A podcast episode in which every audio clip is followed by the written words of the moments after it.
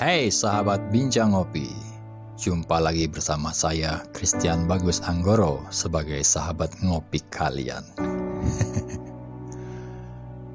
Wah pada hari ini saya sedang nongkrong dan duduk di pinggir jalan.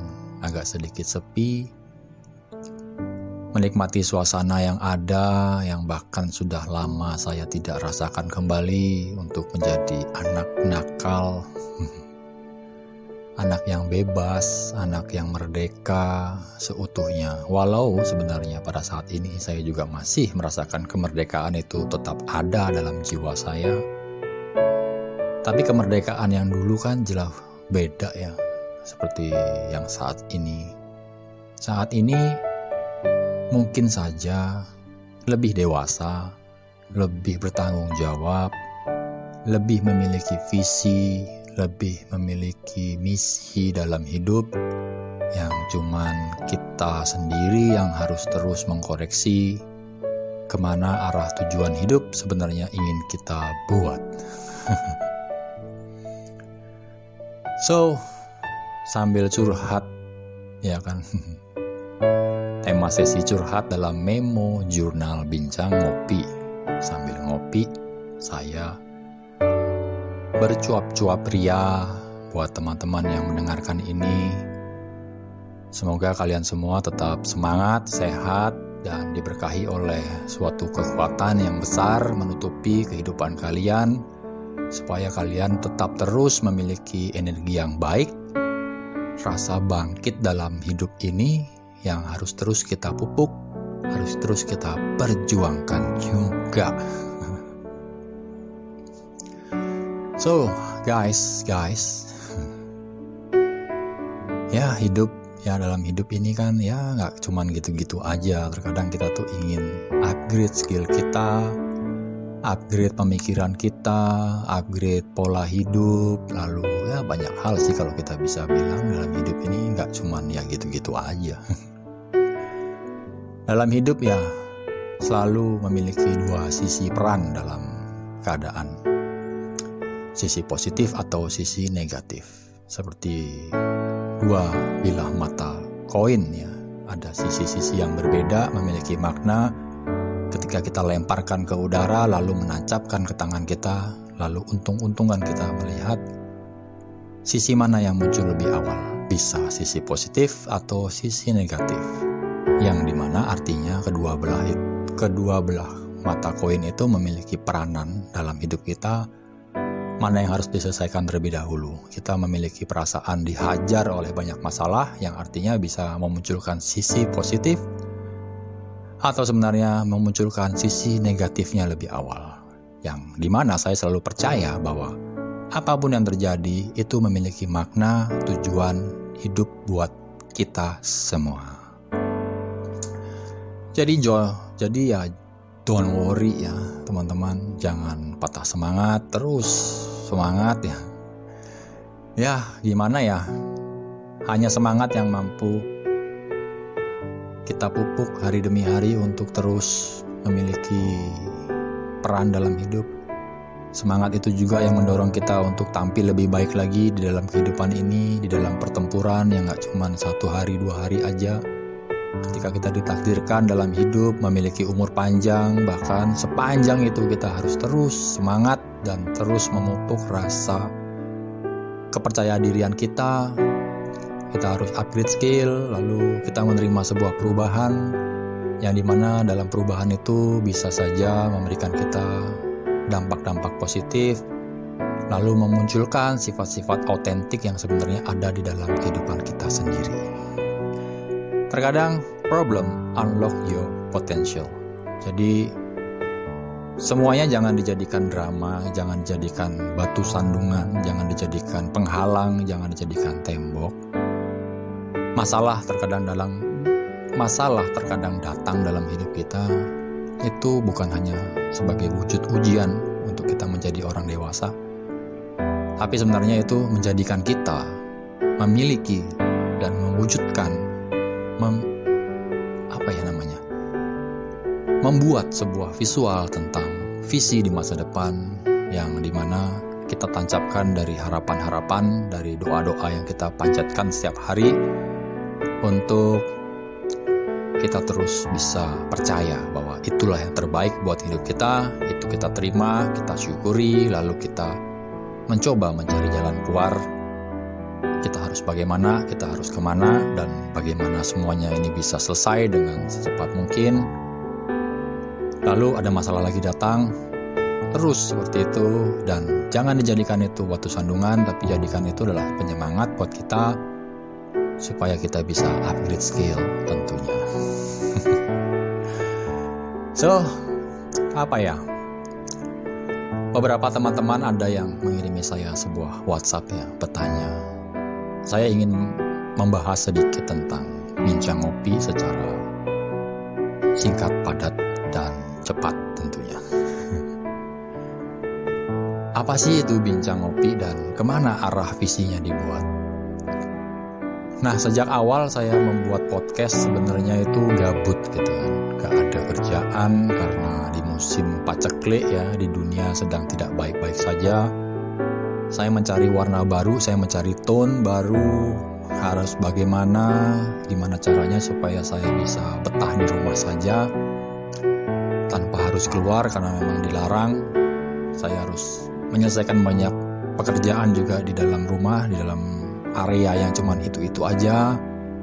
Tapi saya tidak mau terpukul stres untuk keadaan yang ada gitu. Saya harus merubah, saya harus hijack pikiran negatif saya untuk memunculkan bakat-bakat baru lagi yang bisa saja saya miliki. Contohnya, saya bisa bicara seperti ini di podcast Bincang Ngopi untuk menghibur teman-teman yang setiap hari Sabtu ngopi. Nggak ada teman ngobrol kalian duduk-duduk aja di rumah. Kalian bisa pasang earphone kalian atau hidupin speaker kalian.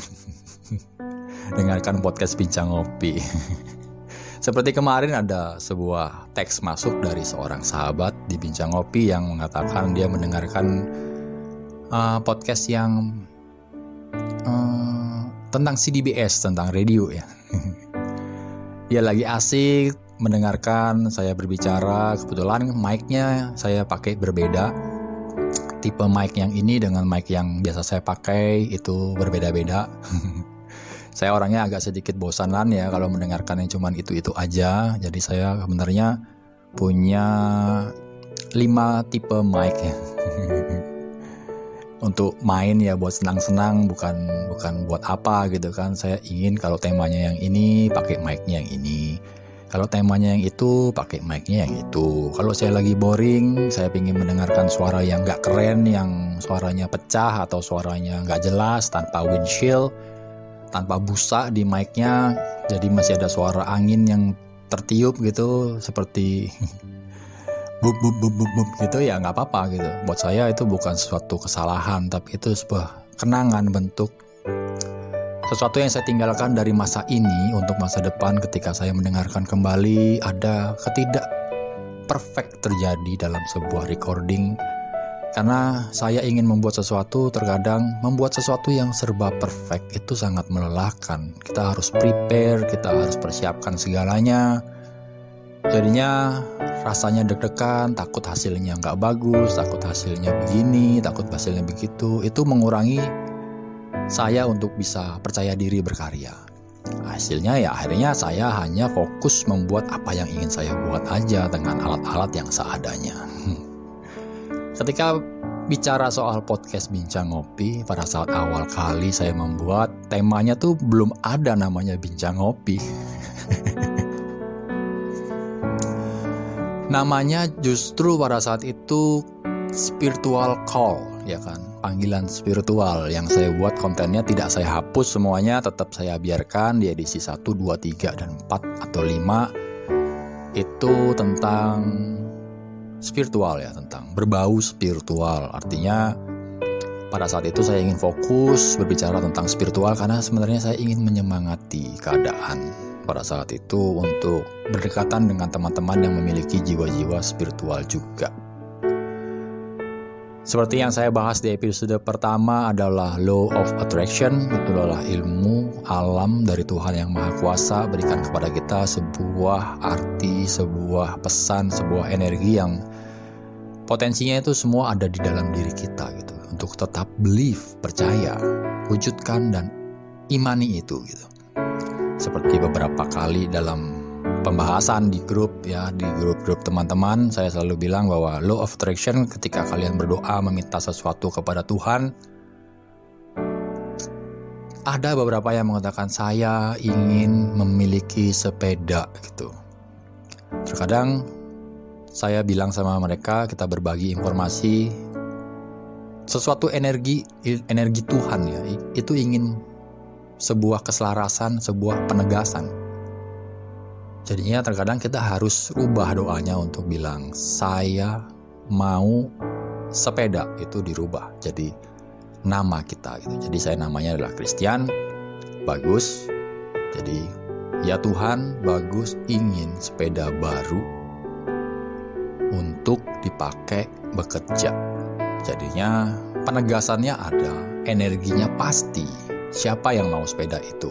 Kalau saya terkadang kan banyak ya, saya saya itu adalah aku dan bahasanya itu baku gitu. Kalau kita menyebutkan sebuah nama bagus atau Christian mau sepeda untuk dipakai buat penambahan hidup gitu. Ya bisa saja itu bagus buat kita berguna akhirnya energi yang tersalurkan ke alam semesta akhirnya Tuhan mewujudkan dan Tuhan mengiyakan untuk terwujud dan terjadi buat hidup kita. Dan itu sangat penting. Penyebutan penegasan harus kita buat. Hmm. Lalu podcast Bincang Kopi awalnya memang seperti itu sampai di mana saya kan punya usaha kopi. Ya namanya juga sering ngopi teman-teman sering datang sering berbicara kita sering bertukar pikiran membahas banyak tema membahas tentang masa depan membahas tentang dagang membahas tentang sesuatu ya gitu. Artinya akhirnya kita rubah gitu. Saya memiliki ide bahwa aduh asiknya ini dirubah gitu. Saya merubah konsep akhirnya dari spiritual calling menjadi bincang ngopi karena kita sering berbincang-bincang, saya sering bertukar pikiran, ide, pokoknya banyak ide-ide liar itu sering kita bicarakan. Ya mungkin tidak bisa saya bicarakan juga di podcast Bincang Ngopi. Akhirnya setelah itu saya merubah konsep. Wah, kayaknya keren nih namanya podcast Bincang Ngopi. saya merubah, saya merubah konsep, saya merubah semuanya, tapi tidak menghapus konten-konten yang pernah dibuat di awal ya dari episode. Pokoknya dibuat aja dan tidak pernah saya rubah.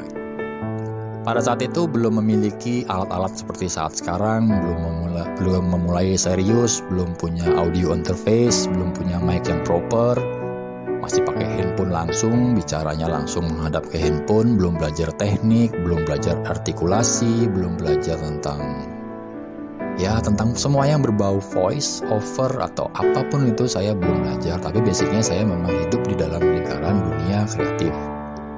Dari brand yang saya kan memiliki beberapa brand. Jadinya saya juga aktif menjadi orang-orang yang fokus ke dalam dunia branding perusahaan-perusahaan usaha-usaha teman yang juga baru memulai dari UMKM jadinya saya sering berdialog saya sering berbicara dengan klien-klien saya juga seorang mantan marketing, sales juga, lalu branding sales, eh branding marketing. Jadinya sedikit paham lah bagaimana caranya menerapkan sebuah pembicaraan dalam sebuah tema yang di mana juga ya bisa saja memiliki warna tersendiri buat yang mendengarkan ini. Di luar dari zaman bahula ya, zaman dulu juga saya ingin menjadi seorang penyiar radio. Saya sangat mengidolakan penyiar radio saya namanya Om Yono, Om Suryono yang dari Radio RRI Denpasar, Radio Republik Indonesia. Om Yono adalah best friend ayah saya. Dia sering main ke rumah dulunya, seorang penyiar dan saya ketika mendengarkan radio di rumah ayah saya sering mengatakan itu loh Om Yono lagi siaran. Jadinya Om Yono banyak sekali memberikan saya warna dalam sebuah suara. Seperti yang apa saya omongkan sekarang, gaya berbicara saya, gaya intonasi saya membuat orang ngantuk. Seperti tadi yang saya bilang, seorang sahabat bincang ngopi ketika mendengarkan mic ya, saya pakai mic yang kecil, suaranya sengaja saya kecilkan dengan back sound yang lagunya ada house music. Ketika dia dengarkan ada lagu masuk itu saya kan suka memutus dengan lagu-lagu. Akhirnya dia kaget. Waduh langsung bangun dia bilang saya sebenarnya sudah tertidur loh dengerin podcastnya Mas Bagus. Tapi ketika masuk dalam sebuah musik dia terbangun gitu. Maaf ya. Ternyata podcastnya Mas Bagus ini cocok untuk dibuat tidur. Boleh tidur buat teman-teman wanita ya. Dipakai tidur nggak apa-apa asal jangan dipakai berhayal. Oke setelah itu ya masuk lagi Om Yono memberikan sebuah warna terhadap suara. Saya sangat mengidolakan sekali di luar dari dunia modern di mana 2000 2000 2014 ketika saya kembali menggunakan radio yang saya taruh di ruangan kerja saya sampai setiap hari tetap saya dengarkan, saya hidupkan dari pagi sampai pagi. Karena radionya sudah tidak siaran habis tetap saya hidupin. Jadi besok pagi tiba-tiba dia sudah kembali on air ya saya langsung mendengar radio say hi buat para penyiar yang lagi bertugas via WhatsApp ya kehidupan saya memang seperti itu Bincang Ngopi juga banyak diberi warna sama orang-orang radio yang di mana juga teman-teman saya juga banyak dari mantan-mantan penyiar radio yang sudah berumur juga tentunya. Kita banyak berdiskusi, berdialog tentang dunia penyiaran, tentang cara editing dengan cara-cara tertentu gitu.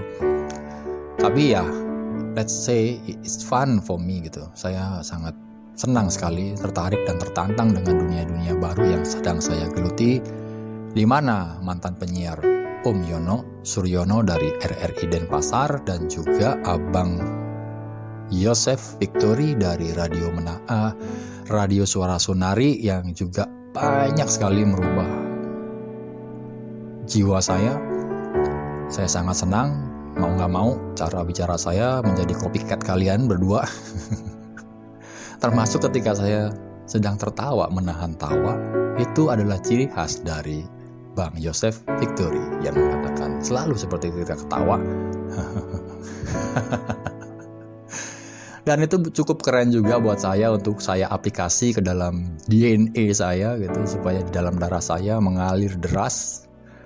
Ada NFT, dunia NFT-nya, metaverse-nya Bang Joseph sama Om Yono almarhum yang ada dalam darah saya mungkin nanti diturunkan lagi ke generasi berikutnya memiliki jiwa-jiwa yang sama. Jadi berasa kalian berdua itu tetap hadir di dalam dunia ini menjadi penghiburan buat keluarga, buat siapa saja yang mendengarkan yang rindu kepada masa itu termasuk para pendengar bincang ngopi yang juga rata-rata usianya di atas 35 sampai 60 Karena 60% pendengar bincang ngopi itu berusia 35 tahun sampai 40 tahun. Lalu yang usia di bawah 30 tahun itu ada sekitar 10 atau 15 persen. Sisanya itu adalah orang yang berusia 60 tahun. Terima kasih ya om-om, tante-tante yang terus mendengarkan podcast Bincang Ngopi ini, yang kalian terus stay tune di rumah, di handphone kalian kalian dengarkan ada sebuah memori yang terus saya hadirkan ke depan kalian. Kalian adalah sumber inspirasi saya untuk terus memberikan lagu-lagu kenangan buat bisa terus kita ingat gitu. Buat saya juga tentunya karena saya juga pencinta musik. Ya kalau boleh dibilang ya, podcast Bincang Ngopi pertumbuhannya cukup lumayan baik dari awal kali hingga saat ini. Pendengarnya sudah terus bertambah, karena teman-teman sudah berbaik hati buat nge-share. Kalau bisa dibilang follower, followernya juga cukup banyak, tapi di sini saya bilang bahwa follower itu bukan follower, tapi kalian adalah sahabat bincang ngopi. Kalian adalah orang-orang baik, kalian adalah orang-orang yang dipilih Tuhan untuk mendengarkan podcast bincang ngopi dan semoga saja saya tidak tidak mengecewakan kalian untuk membuat sesuatu yang tidak baik untuk didengarkan kalian saya senang dengan sesuatu yang bernuansa musik tentunya karena saya dibesarkan dari keluarga seniman, dari beberapa om juga musisi, ya musisi kawakan Indonesia. Jadi saya tetap fokus kepada music and talk ya. Ini adalah podcast Bincang Ngopi itu adalah voice journal seperti diary ya diisi lagu-lagunya.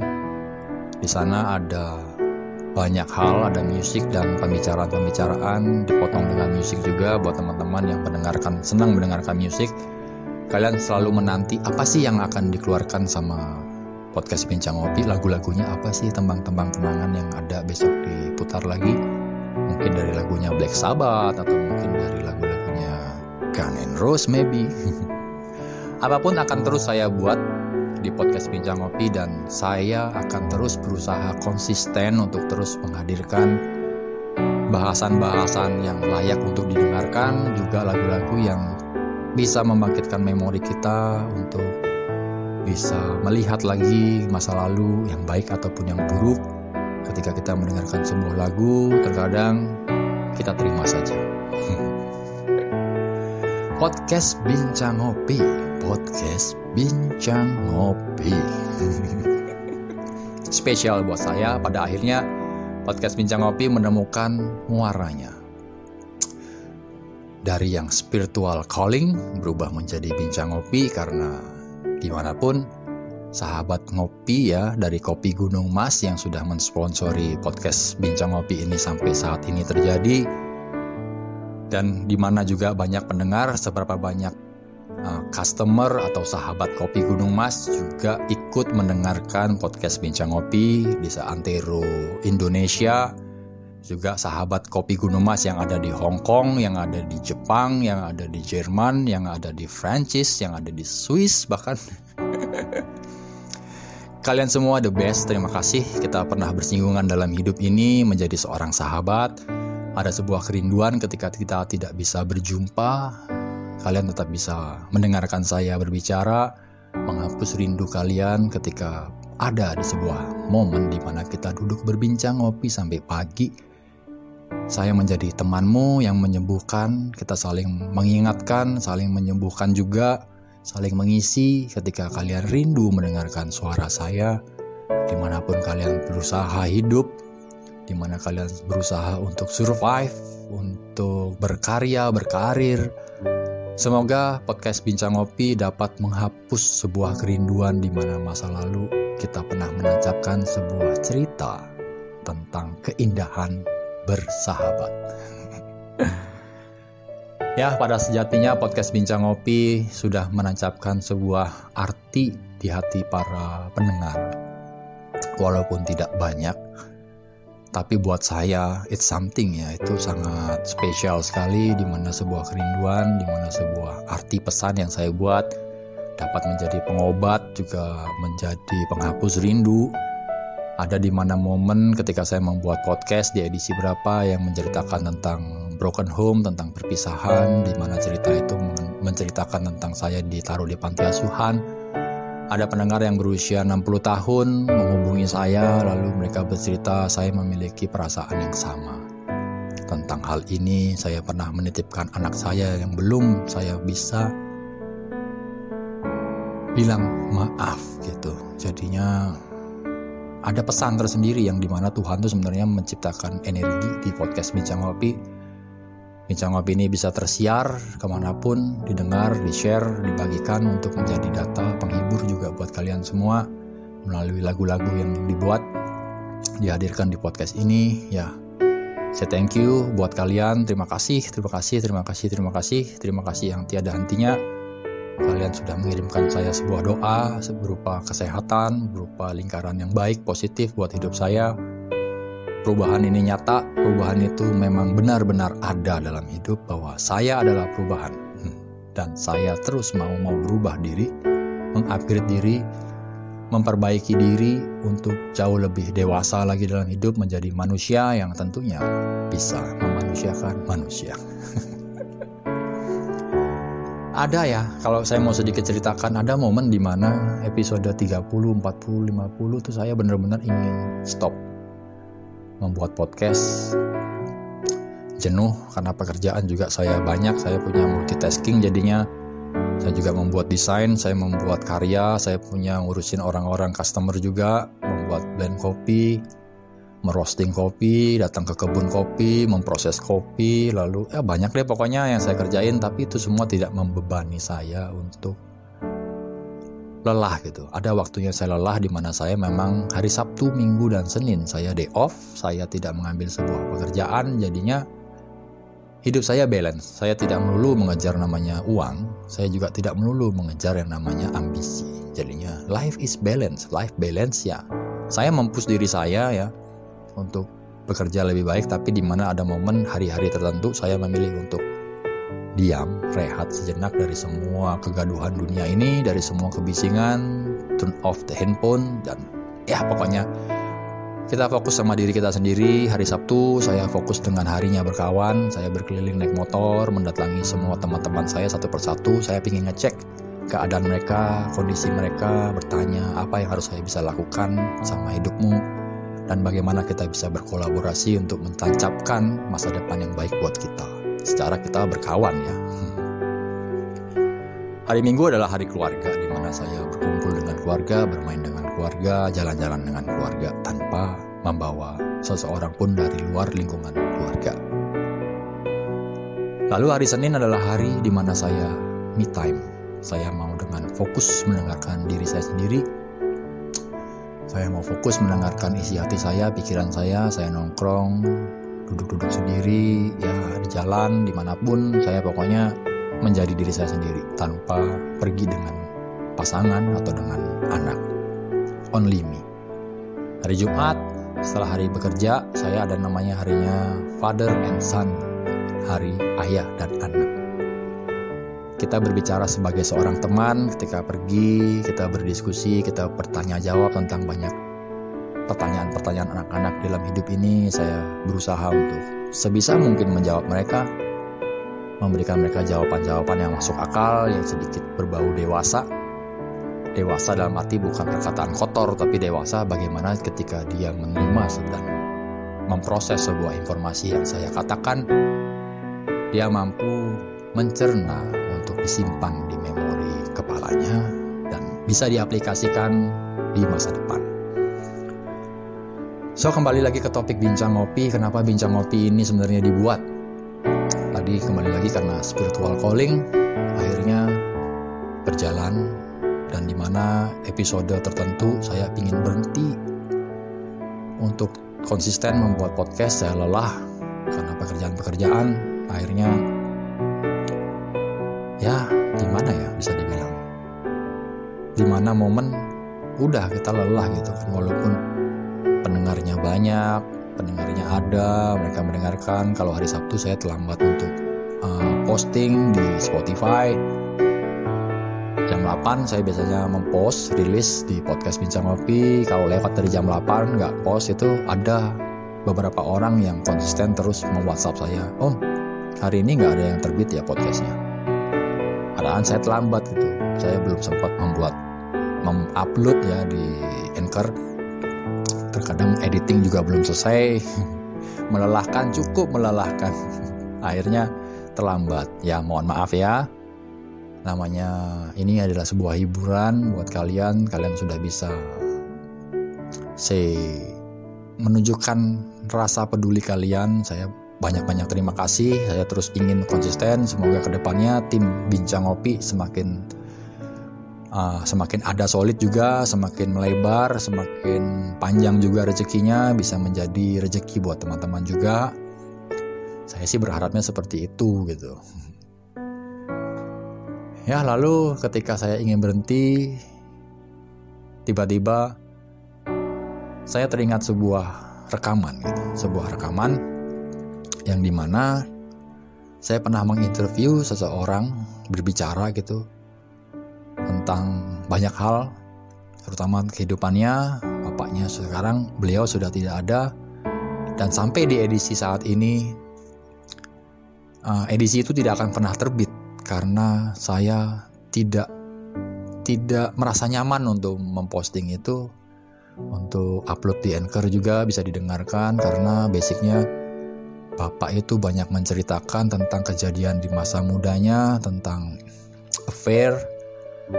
Wah, pokoknya itu tidak akan pernah terdengar di anak-anaknya.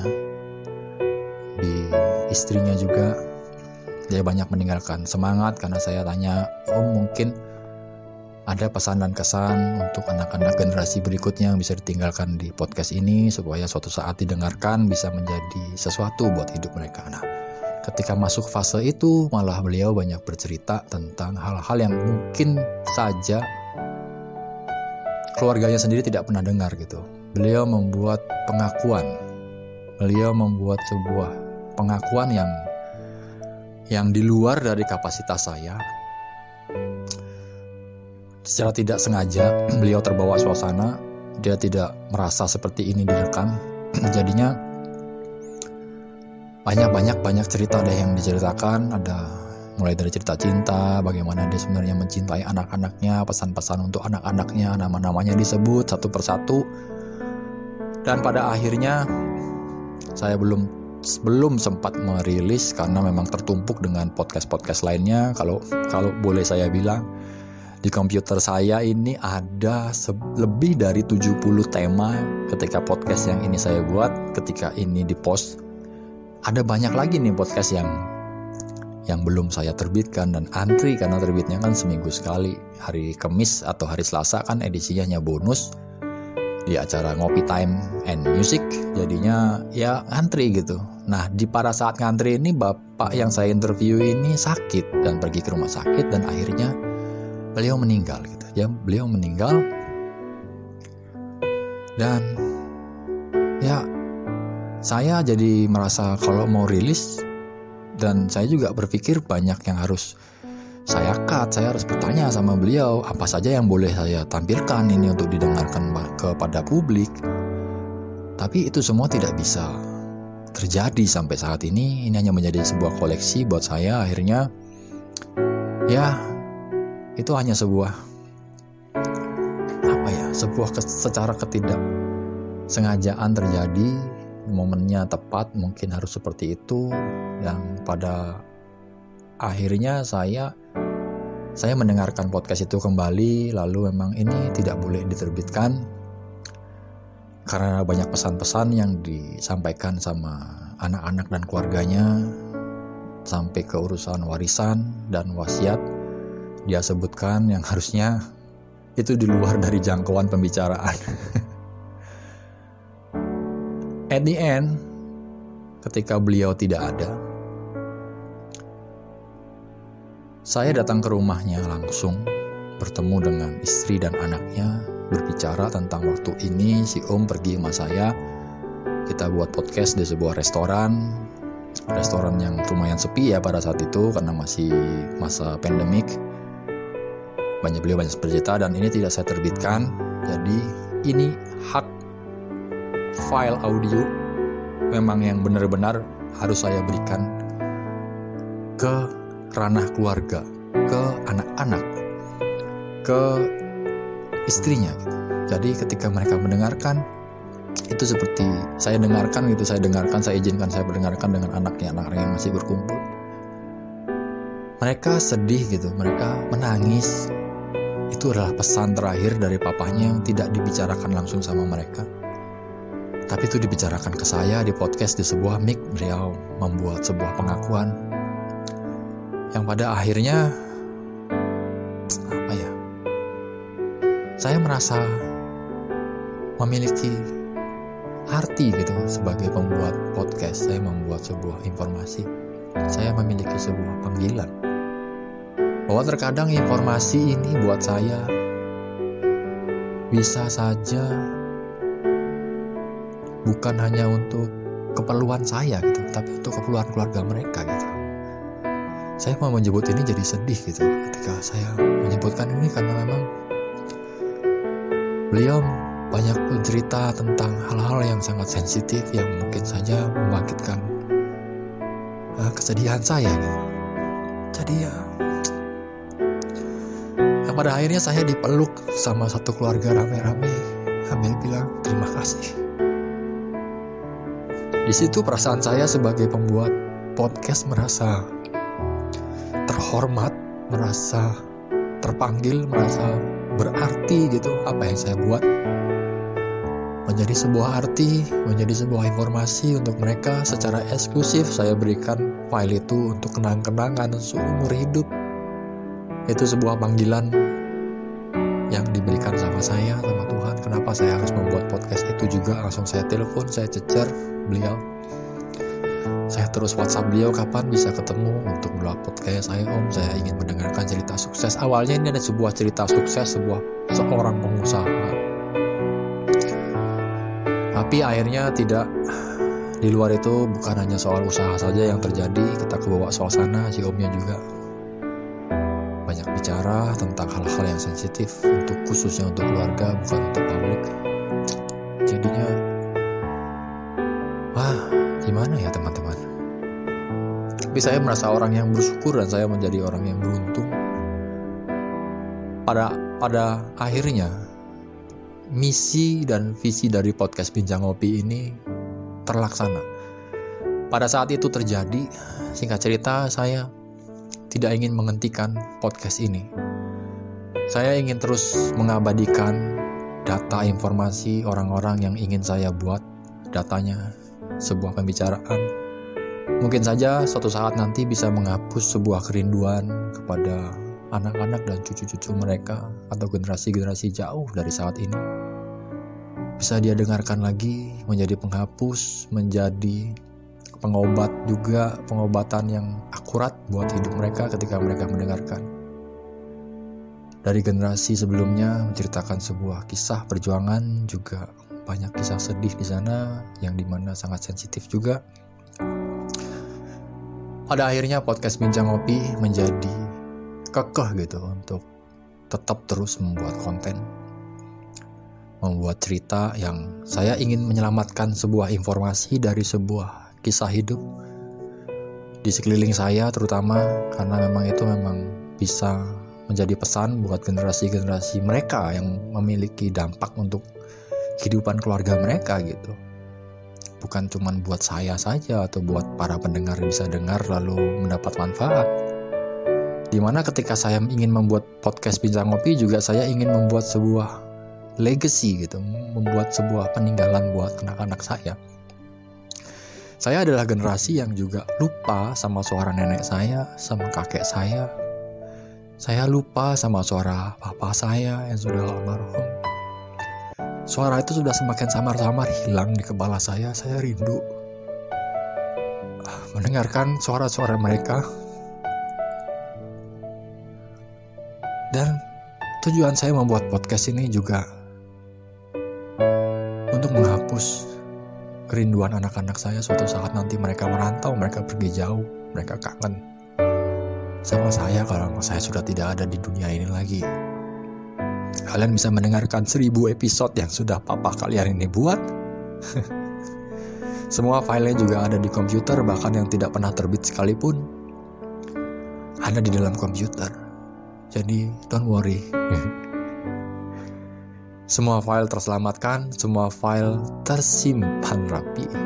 Jangan khawatir, sudah diduplikat. Jadi itulah awal dari pembuatan podcast. Akhirnya saya kekeh tetap berjalan sampai saat ini menjadi uh, storytelling untuk dari kisah hidup saya sendiri yang banyak mungkin belum saya buat, saya ceritakan juga. Di luar itu sebenarnya podcast saya didengarkan sama anak-anak saya. Mereka adalah pendengar setia. Terima kasih anak-anak papa yang sudah mendengarkan podcast papa ya. kalian banyak belajar, semoga kalian banyak belajar dari podcast papa ini ya. Ya, termasuk anak saya yang bernama Abdi ketika dia mendengarkan podcast saya edisi pertama tentang law of attraction, saya tidak pernah menggurui dia, saya tidak pernah mengajarkan dia untuk menabung. Di sana setelah dia mendengarkan podcast, dia menyimpan uang dia menabung dia pokoknya apa pun yang ingin dia wujudkan dia beli gitu dia tabung uangnya tuh kok kamu jadi pinter nabung sekarang ketika dia bilang iya pak kan kata papa kita tuh harus berani mewujudkan impian kita. Kita harus punya impian. Abi saat ini impiannya pingin punya ini. Jadi Abi harus nabung. Kamu tahu dari mana? aku tanya aku dengar podcastnya papa yang ini. Wow. Dan juga terutama buat anak-anak papa ya, buat anak-anakku juga yang ada di jauh dari negara seberang, juga ada di ibu kota di Jakarta. Yang kalau boleh saya bagi ceritanya sama teman-teman di sini, saya memiliki anak beberapa anak gitu dari pernikahan yang berbeda.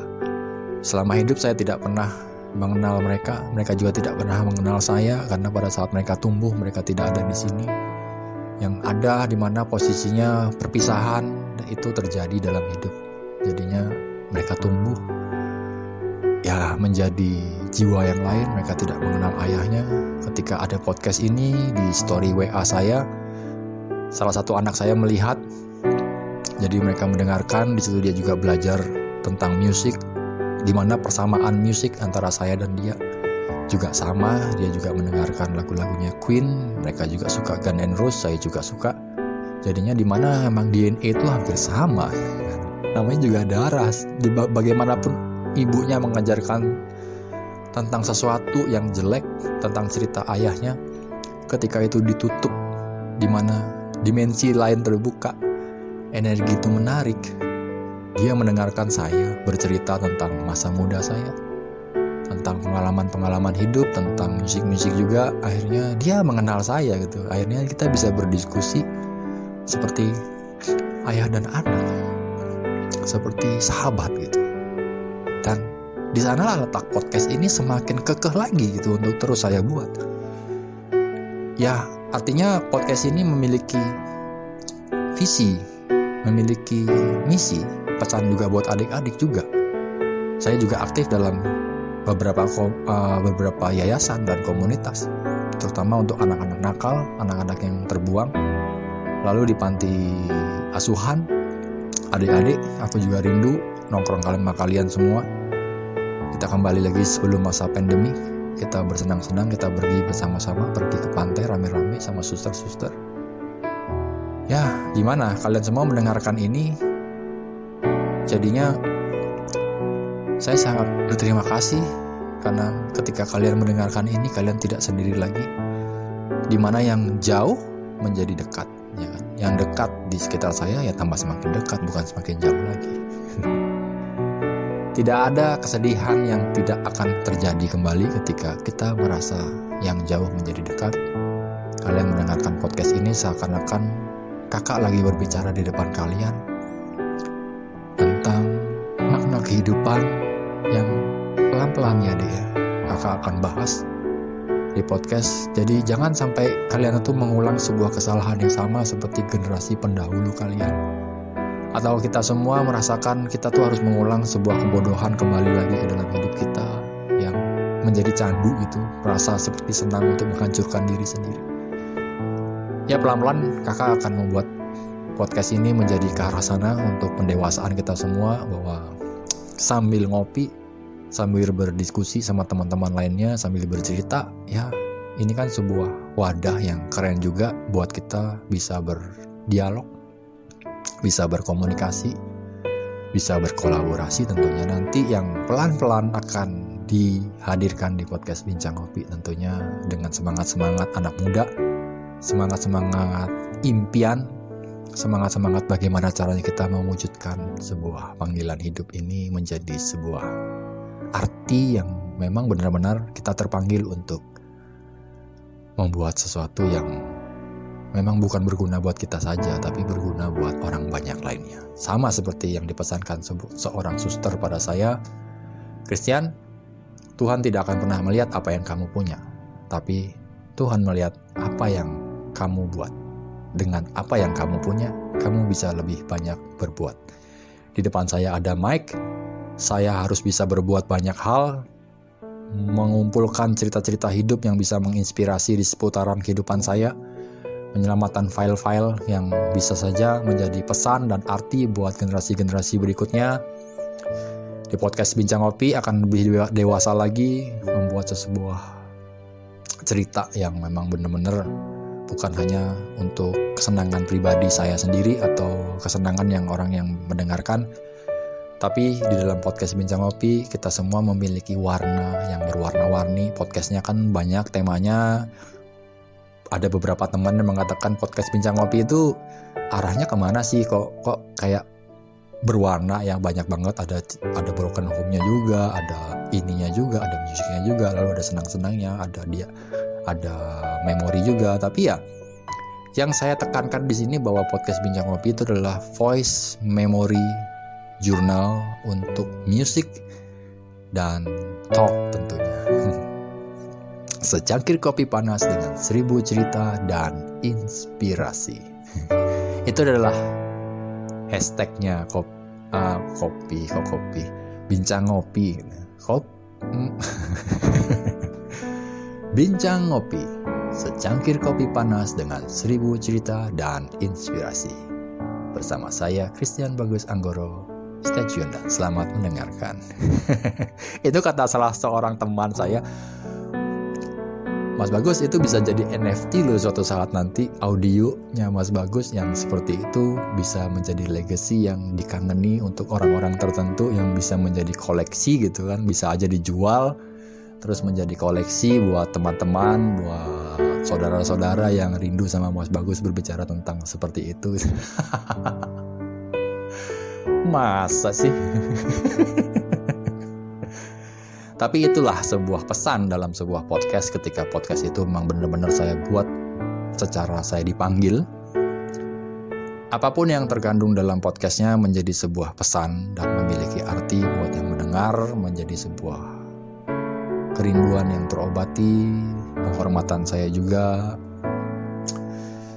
Jadinya ya berkarya tetaplah berkarya, mencintai dan dicintai apa pun yang kita buat, jelek atau buruk, terima, lalu syukuri.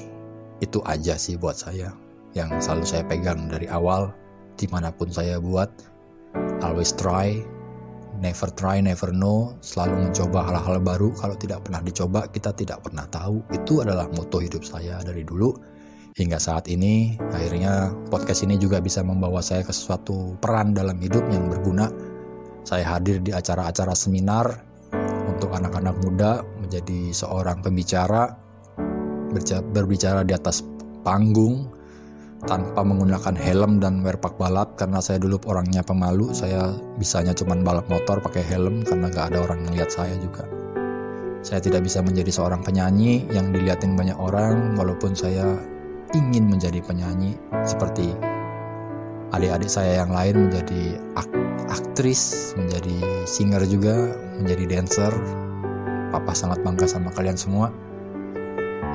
Tapi di sini saya mencoba sesuatu, ternyata darah saya diberikan sesuatu yang spesial sama Tuhan untuk bisa melihat jauh ke dalam diri saya, mengangkat potensi-potensi yang tersembunyi pada sebuah podcast yang dinamakan Bincang Ngopi.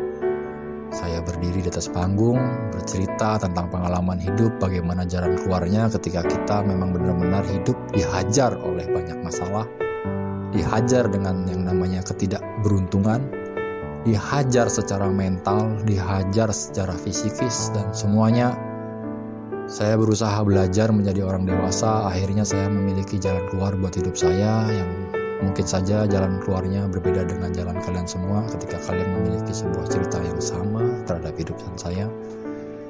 Tapi di sini letaknya sebuah kebahagiaan, sebuah joy dalam sebuah tema cerita. Kita semua adalah orang-orang yang berarti di mata Tuhan. Kita adalah orang-orang yang berarti untuk hidup kita sendiri. Kita harus benar-benar melihat potensi, benar-benar sangat melihat potensi kita.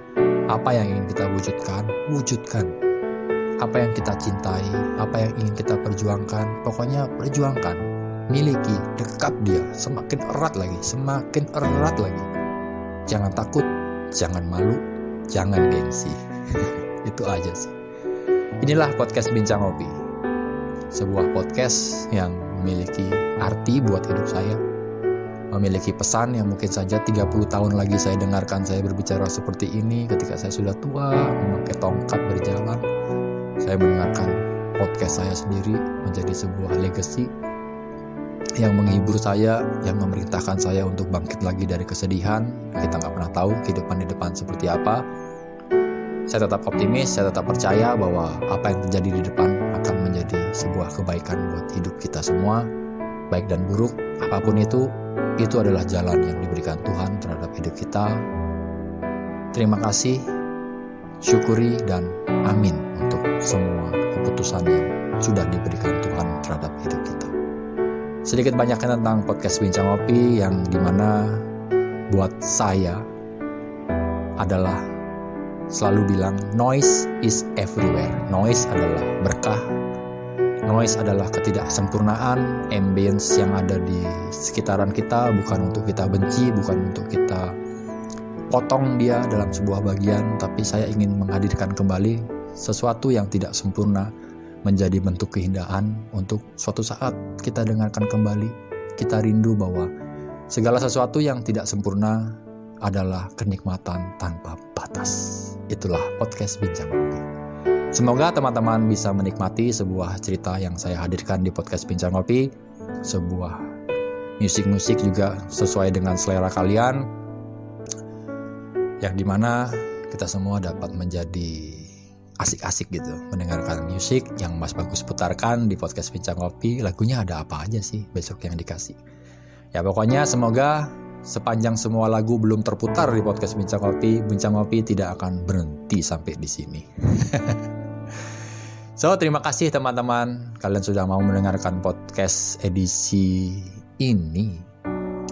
Sedikit banyaknya saya sedikit bercerita tentang konsep, tentang visi, tentang misi podcast ini, kenapa dibuat, dan apa, ke mana tujuan nanti podcast ini jalan. Saya akan tetap dinamis, apa yang dipanggil saya di depan nanti akan saya ikuti, akan saya cerna, akan saya pikirkan baik-baik, lalu bisa menjadi sesuatu yang berarti buat teman-teman bisa nikmati bersama. Ya nggak, ya nggak, ya. Sambil ngopi, kopinya kopi Gunung Mas, podcastnya Bincang Ngopi. so, teman-teman, terima kasih buat kalian semua Terima kasih sudah mendengarkan ocehan saya kali ini. Di depan sudah hujan. Si guguk terus gonggong. Sahabat saya itu di depan, sahabat bermain saya. ya, pokoknya di ruangan ini saya menikmati sebuah Kali ini saya ada di studio yang di di depan. Jadinya suaranya lebih jelas lagi kalau ada noise. Saya tidak pakai mic yang tipenya kondenser saya tidak mic-nya pakai yang tipenya satu arah. Saya memakai mic yang omni direction. Jadinya sejauh mana mic ini bisa menangkap dia bisa memasukkan semua suara yang hadir di dalam podcast ini. Terima kasih teman-teman. Bincang kopi diberkati kalian semua diberkahi jalannya dilingkari dengan kekuatan yang positif terus memupuk rasa cinta dalam diri sendiri untuk mencintai dan dicintai. Tuhan memberkati kita semua, tetap percaya dan tetap miliki impian. See you dan sampai jumpa dengan saya Christian Bagus Anggoro. Selalu dan selamanya menjadi sahabat ngopi kalian. Dah.